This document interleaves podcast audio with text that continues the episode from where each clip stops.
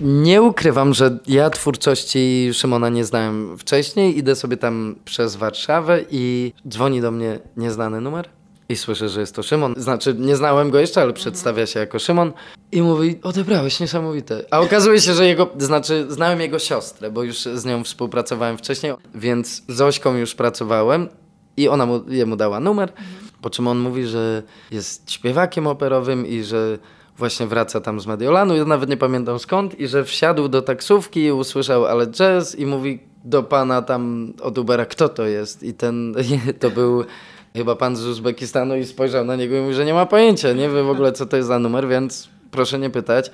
Zdążył to jakoś tam zszazamować i od razu miał ochotę mnie znaleźć, kimkolwiek jestem i to się udało, a mi z kolei, wiesz, bo ja mam dużo propozycji na współpracę, a lubię wychodzić ze swojej strefy komfortu. Znaczy, nie lubię, ale lubię stawiać sobie wyzwania. I pomyślałem, gdyby to był teraz jakiś po prostu popowy wokalista i coś, ja mam co robić. W sensie nie, to, to by inaczej się potoczyło. Pewnie bym odmówił po prostu, ale tu mówię, ale jak to operował? Ja mówię, no śpiewam repertuar kabaretu starszych. Jak to? Ja uwielbiam kabaret starszych panów.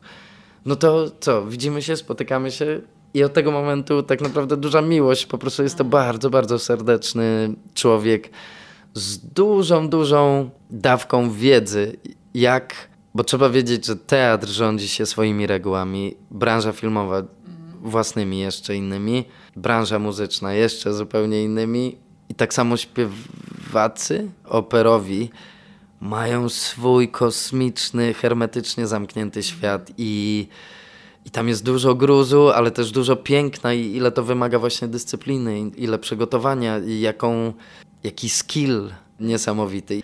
Nagle trafiam na tego Szymona i on pyta mnie o współpracę i mówię, nie dowierzam, no to, to spróbujmy. Tylko Szymon, czy ty wiesz, że ja nie umiem czytać nut? Spoko, ziom, ja ci dam auf, tak wszystko ci wytłumaczę.